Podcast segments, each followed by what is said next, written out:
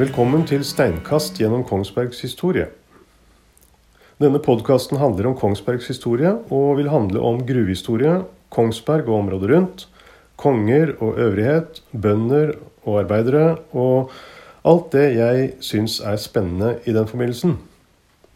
Gruvehistorie blir et slags midtpunkt for en ferd gjennom historien fra tema til tema, uten noen bestemt struktur og strategi, men med steinkast i alle retninger.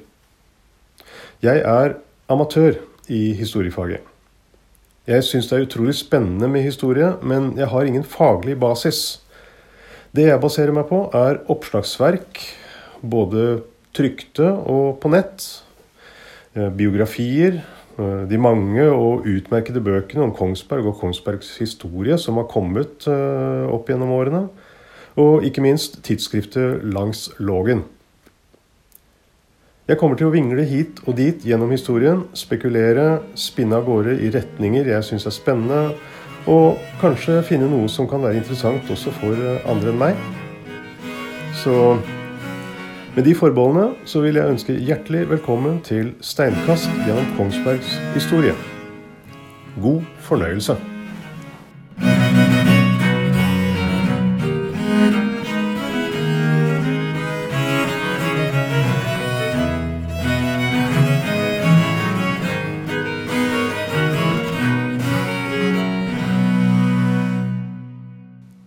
Episode 3 Fram mot et sølvfunn. Utover på 1500-tallet så fins det etter hvert dokumentert mer og mer aktivitet knyttet til bergverksdrift og leting etter nye gruver i Norge. Kongene blir mer opptatt av å få etablert gruveindustri, og folk, både utenlandske og innenlandske, drar rundt på leting etter nye malmforekomster både på oppdrag av kongen og for sin egen del. På 1500-tallet begynner endelig befolkningen i landet å ta seg opp igjen etter svartedauden også. Pestepidemiene på slutten av 1300-tallet hadde kanskje halvert befolkningen i landet til det kanskje ikke var flere enn 150 eh, 000 innbyggere. Mens vi i begynnelsen av 1500-tallet regner med at det bodde omtrent 300 000 mennesker her. Vil si, befolkningen øker endelig igjen. Og i året 1600 så er befolkningen nådd uh, 400 000.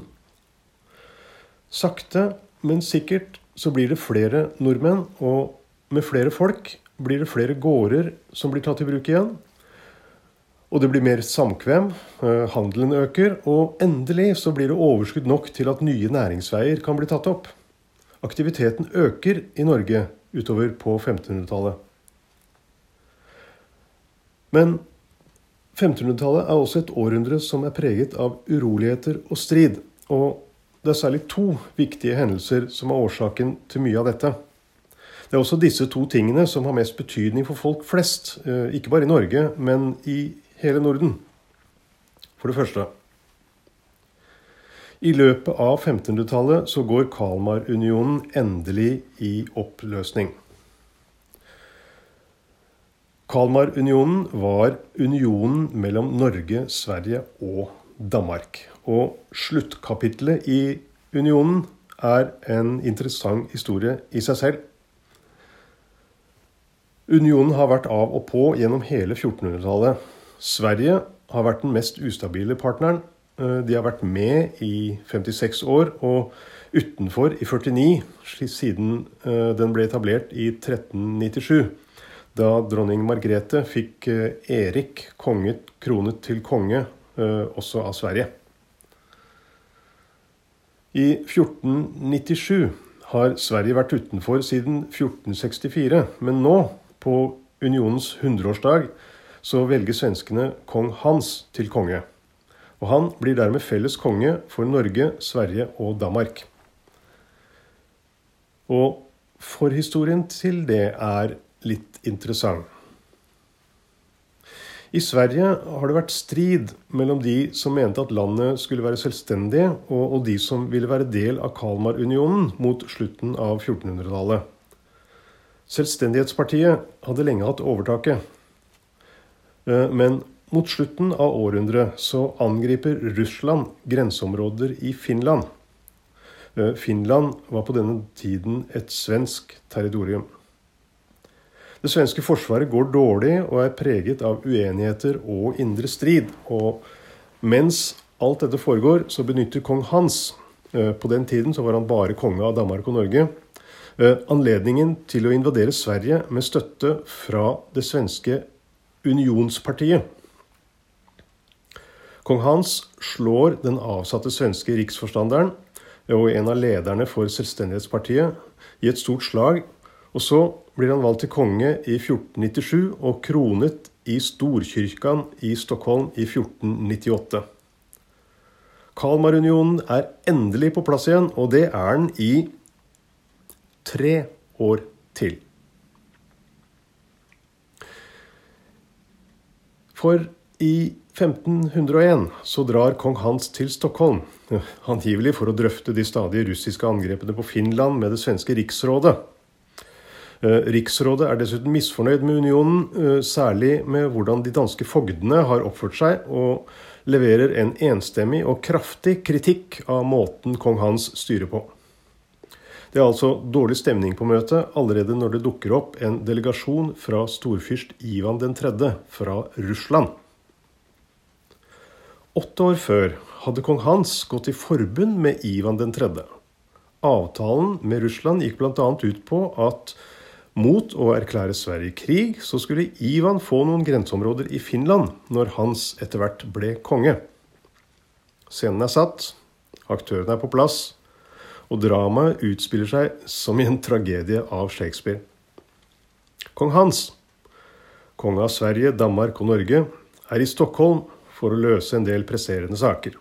Partene sitter ved forhandlingsbordet, og problemene skal nå diskuteres, forhandles om og forhåpentligvis løses. Kongen, riksrådet, riksforstanderen, adelsmenn og kvinner fra Danmark og Sverige sitter samlet, og Riksrådet har nettopp lagt fram en lang liste med hard kritikk av det danske styret. Da avbrytes forhandlingene av en herold som kunngjør høyt for alle sammen at det har kommet en delegasjon fra den russiske storfyrst Ivan 3. til Stockholm og kongen. Kong Hans aner kanskje uråd, men kan ikke gjøre noen ting. Det er for mange som er til stede og har hørt hva herolden har kunngjort, så ankomsten til delegasjonen kan ikke skjules. Russerne blir sluppet inn og ankommer salen der forhandlingene foregår. Og etter alle hilsninger er utført på korrekt måte, så kommer de raskt til saken. På latin Latin var det felles språket som blir brukt for internasjonale forbindelser, og alle som hadde noen utdannelse på den tiden, hadde lært å lese, skrive og snakke latin. Eh, latin var på en måte den tidens engelsk, kan man si. Men altså, på latin så legger de frem Ivan den tredjes krav. Avtalen mellom kong Hans og fyrst Ivan må oppfylles. Som avtalt har Ivan angrepet Sverige i Finland, og dermed kunne kong Hans invadere Sverige og på den måten bli konge. Nå har Hans Majestet vært konge i Sverige i tre år, så det er på høy tid at kong Hanses del av avtalen blir oppfylt. Kan vi få overlevert de områdene i Finland vi var enige om? Dette skjer altså eh, rett foran øynene på den svenske høyadelen og eliten. Både de som er tilhengere av Kalmarunionen, og, og de som er imot. Stormenn, riksråd, riksforstander, storbønder, alle som er til stede, må ha fått et kollektivt hakeslipp. Og selv om kong Hans kanskje ikke egentlig hadde tenkt å oppfylle sin del av denne avtalen, så er sjokket stort for svenskene når de nå hører hva han var villig til å gi for å sikre seg den svenske kronen. Det ble bråk, for å si det forsiktig. Bønder, adelsmenn, riksråd og riksforstander sa kollektivt opp sin troskap til kongen, og kong Hans forlot Stockholm etter å ha etterlatt 1000 mann med sin dronning Kristine som kommandant på Stockholms slott Tre Kroner. Slottet ble straks beleiret og klarte å holde stand i sju måneder før dronningen måtte overgi slottet. Tre dager etterpå kom kong Hans sveilende til Stockholm med en flåte krigsskip, men slottet var tapt, så han måtte snu og dra hjem igjen. Og dronning Kristina, stakkar, var blitt tatt til fange.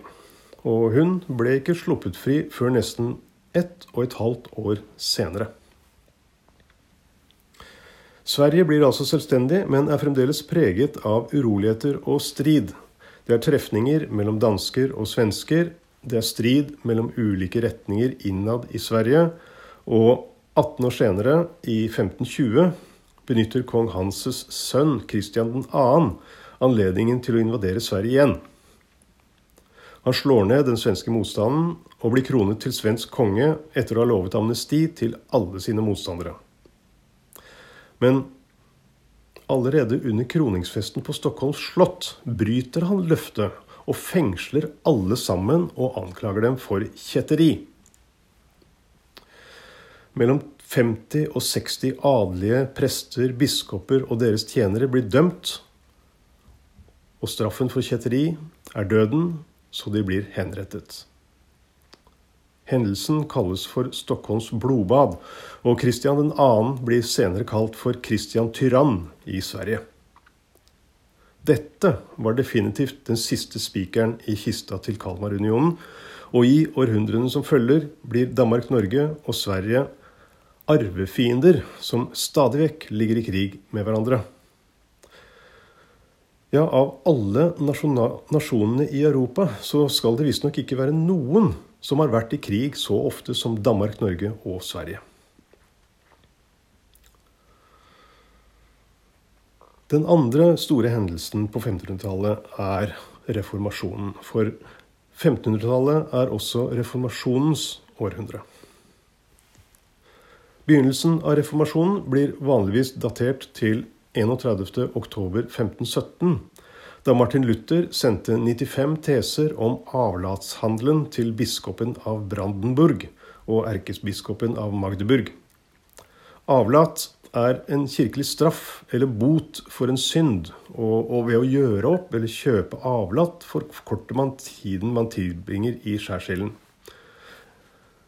Og dermed slipper man fortere inn i himmelriket.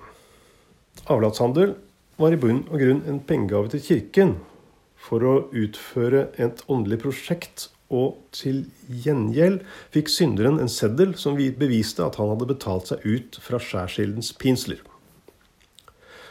Betingelsen for å kunne selge avlat var at pengene gikk til noe Gud hadde glede av, f.eks. byggingen av en ny Sankt Peterskirke i Roma. Men det er lett å misbruke en slik ordning, og misbrukt ble den. Selv om innholdet i Luthers teser dreide seg om problemene ved avlatshandel, så var en av konsekvensene av kritikken at det ble satt spørsmålstegn ved pavens myndighet og kirkens hellighet, sett opp mot hver enkelts personlige tro. Og det å stille spørsmål om pavens rolle som kirkens overhode var i tillegg noe som kunne appellere til et lands konger og adel. For dette var en mulighet for å få kontroll over en del av samfunnet som hadde vært nesten helt selvstendig styrt av kirken. Over erkebiskopen i et land sto paven, og erkebiskopen var han som bestemte over prester i landet. Hvis konge og erkebiskop ikke var enige, så var det ingenting kongen kunne gjøre. I verste fall så kunne erkebiskopen klage til paven, og paven kunne erklære interdikt over et land.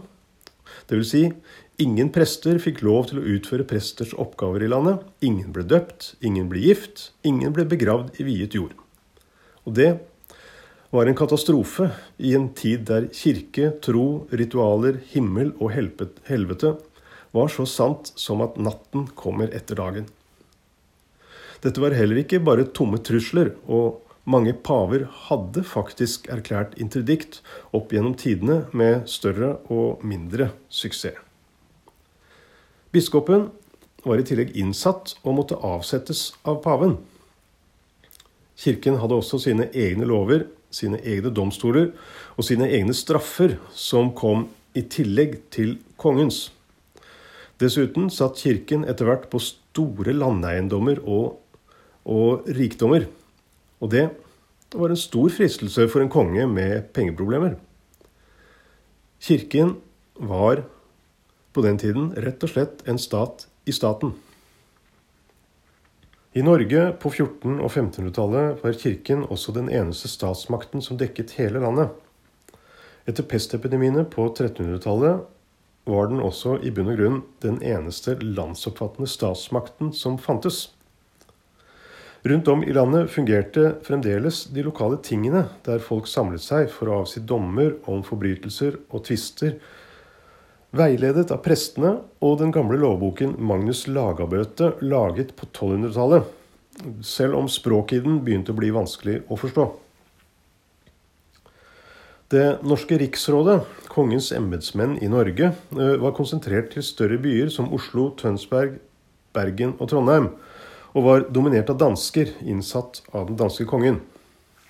Kirken var på 1400- og 1500-tallet i Norge en solid organisasjon som representerte det norske, mens eh, Riksrådet og den øvrige verdslige myndigheten var tynt besatt, og da stort sett med utlendinger.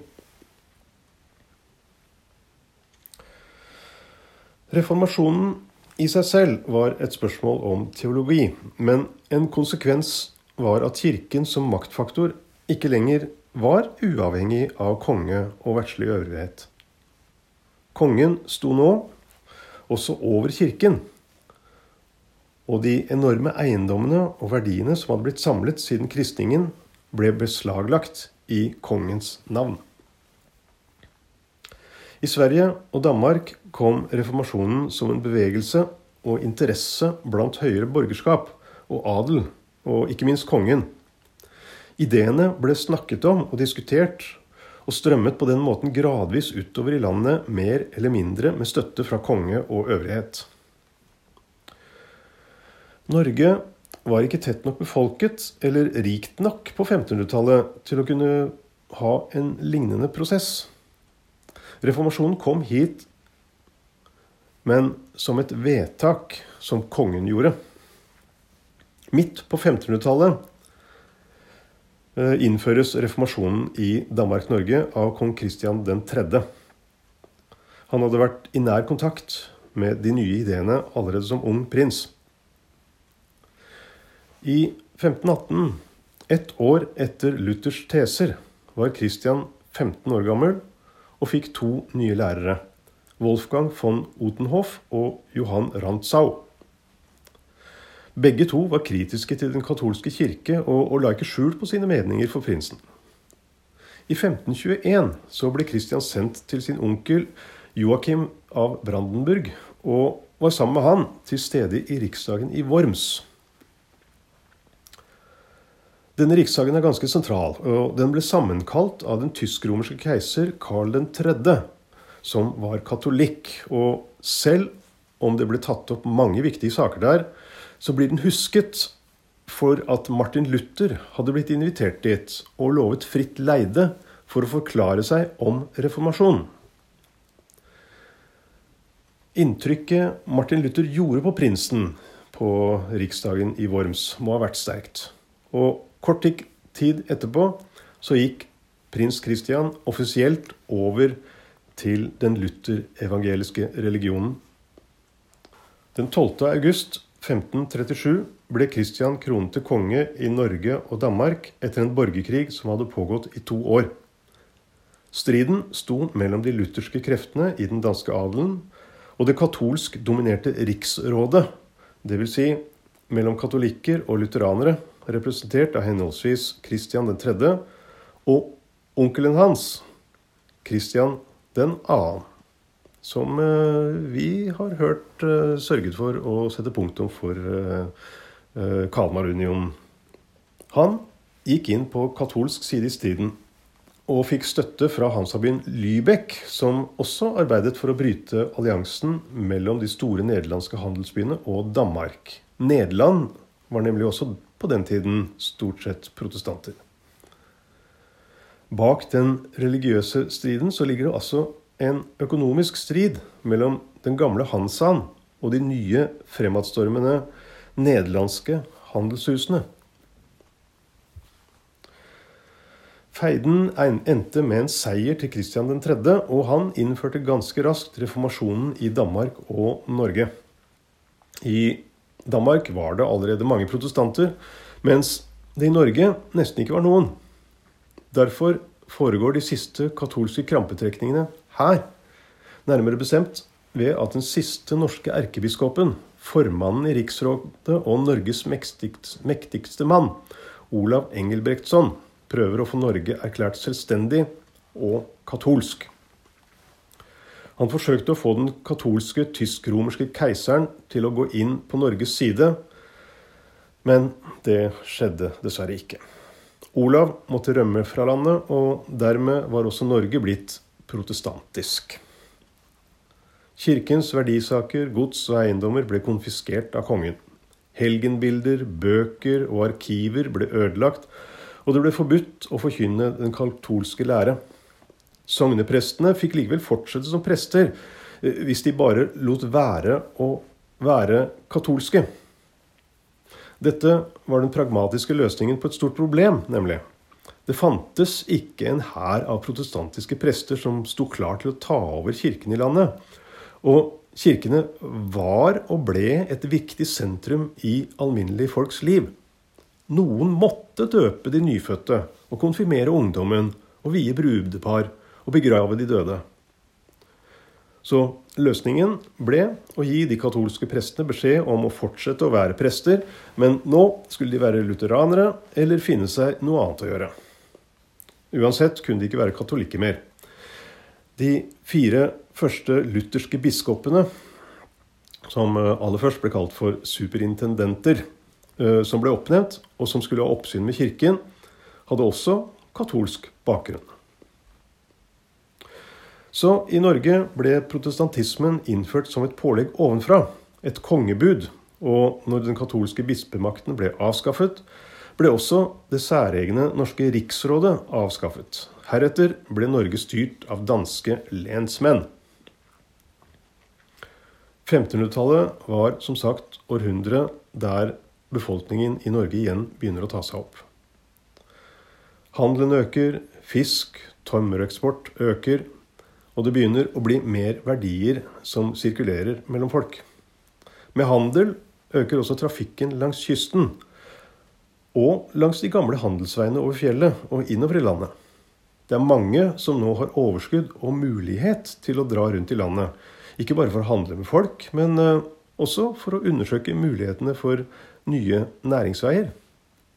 Det er stor etterspørsel etter tømmer på kontinentet til bygging av hus, og ikke minst skip som kan seile til koloniene i Amerika, Afrika, India og helt til Det fjerne Østen.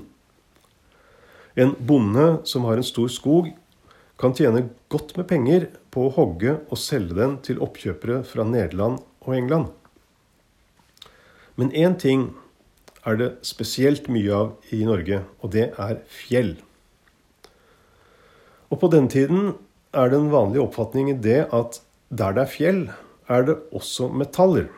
Jern, kobber, ja kanskje til og med sølv og gull. Kongen sendte folk rundt i landet for å lete etter metallforekomster i fjellene. Noen forekomster var mer eller mindre kjent allerede, så mye av undersøkelsene gikk nok ut på å undersøke nærmere rykter og sagn og kanskje gamle dokumenter som fortalte om metallforekomster i Norge. Et av disse dokumentene om metallforekomster er et forleningsbrev fra kong Fredrik 1. fra den 15. juni 1524. Der forlener han Sundsberg Kobberbjerg til biskopen av Hamar. Og de han ville drive sammen med. To dager etterpå så får biskopen også rett til å slå bl.a. sølvmynter. Og det tyder på at malmen fra forekomsten også har inneholdt litt sølv.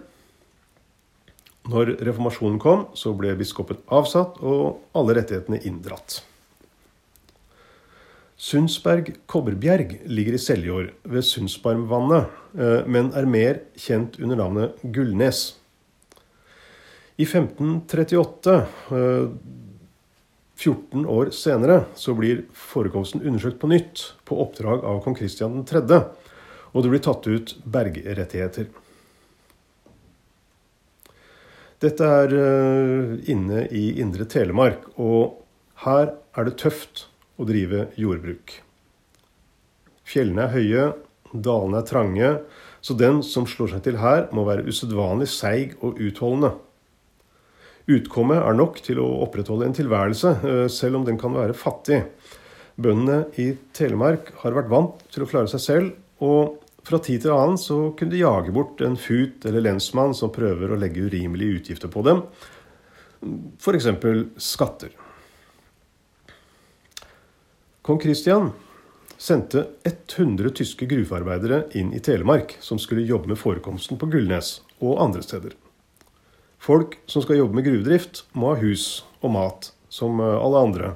Så, så bøndene i området ble pålagt å selge det lille overskuddet de hadde, til bergmennene, og å åpne husene sine for dem til de fikk bygget egne boliger. Og dette skulle de få betalt for, eh, men etter fastsatte takster. Eh, overskuddet kunne altså ikke omsettes direkte i korn og andre nødvendige varer. Dette likte telemarksbøndene dårlig.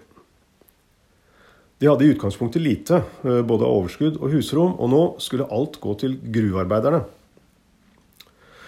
De tyske gruvearbeiderne hadde med seg et privilegiebrev fra kongen som forklarte hva bøndene skulle bidra med, og fra Tyskland så var de vant til at bønder gjorde det de fikk beskjed om, uten å protestere. I Norge derimot så hadde bøndene hittil styrt seg selv og overlevd uten særlig innblanding fra sentrale myndigheter. Så at det oppsto en kulturkollisjon mellom norske bønder og innvandrende tyskere, gjorde hele situasjonen enda et par hakk verre. Gruvedrift, som er en ressurskrevende industri, ble etablert i et tynt befolket område med få og forholdsvis fattige gårder, men med bønder som hadde sterk trang til selvstendighet. Hit kommer det 100 utlendinger som skal føs og huses på det lille som fantes. Det ble selvfølgelig bråk. I februar 1540 samlet 200 sinte telemarksbønder seg bevæpnet med øks, ljå, kniver, trestokker, pil og bue og jager de tyske gruvearbeiderne helt til Skien. Overfor Futen i Skien så krever bøndene at det ikke skal være mer enn tolv gruvearbeidere ved gruven i Gullnes, og at de ikke skulle være bevæpnet. Så drar bøndene tilbake til gårdene sine. Kong Kristian 3. blir sint. Han anser dette for å være et opprør mot han selv, siden det er han som driver Gullnesgruven. Han gir beskjed om å mobilisere militære styrker fra Bohus og Akershus festninger for å ordne opp. I august marsjerer styrken oppover i Telemark, og varselet går utover til bøndene som var med og jaget de tyske bergmennene. Bøndene samler seg igjen og besatte et trangt skar i Ambjørndalen, der soldatene må forbi for å komme til Gullnes. Men eh, det ble ingen trefning. I stedet så ble det sendt et bud til bøndene. Eh, hvis de la ned våpnene, så kunne de forhandle om en fredelig løsning på konflikten. Telemarksbøndene tenkte seg om, og så gikk de med på det. Men så snart de hadde lagt fra seg våpnene og gått for å møte forhandlerne, så ble de omringet av soldater og tatt til fange. Kongens makt var det umulig å forhandle om. Og ved å jage arbeiderne fra kongens gruve hadde bøndene gått mot kongen. Seks av bøndene ble dømt til døden, og fem ble henrettet. Den sjette fikk beholde livet bare ved å være bøddel for de fem andre. De andre som var med på opprøret, måtte betale dyre bøter og love å være fredelige og lydige undersåtter under fortapelse av deres ære, formue, liv og odelsrett. Det er en naturgitt forskjell på store og små. Og, denne naturgitte forskjellen skal gjelde til og med oppe i det karrige og fattige Norge. Gullnes gruver var i drift helt fram til 1888. Det er ikke enkelt å etablere en moderne industri. Eh, særlig ikke når ressursene den baserer seg på, ligger langt fra byer, handelssteder og store befolkningssamlinger. Gruvedrift krever ressurser som ikke fantes overalt på 1500-tallet. Århundret er som sagt et århundre med stor framgang i levekår og befolkning i Norge, så sakte, men sikkert blir forholdene bedre. Utsiktene mot 1600-tallet er gode.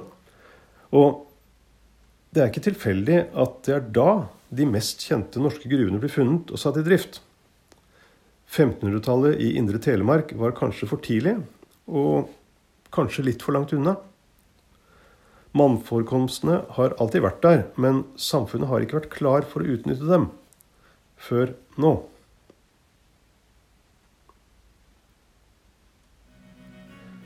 Du har nå hørt tredje episode av Steinkast gjennom Kongsbergs historie. Neste episode, nummer fire, heter 'Sølvfunnet i Sandsvær' og handler om det som skjedde, og omstendighetene rundt at det ble funnet sølv i bygda Sandsvær. Takk for oppmerksomheten.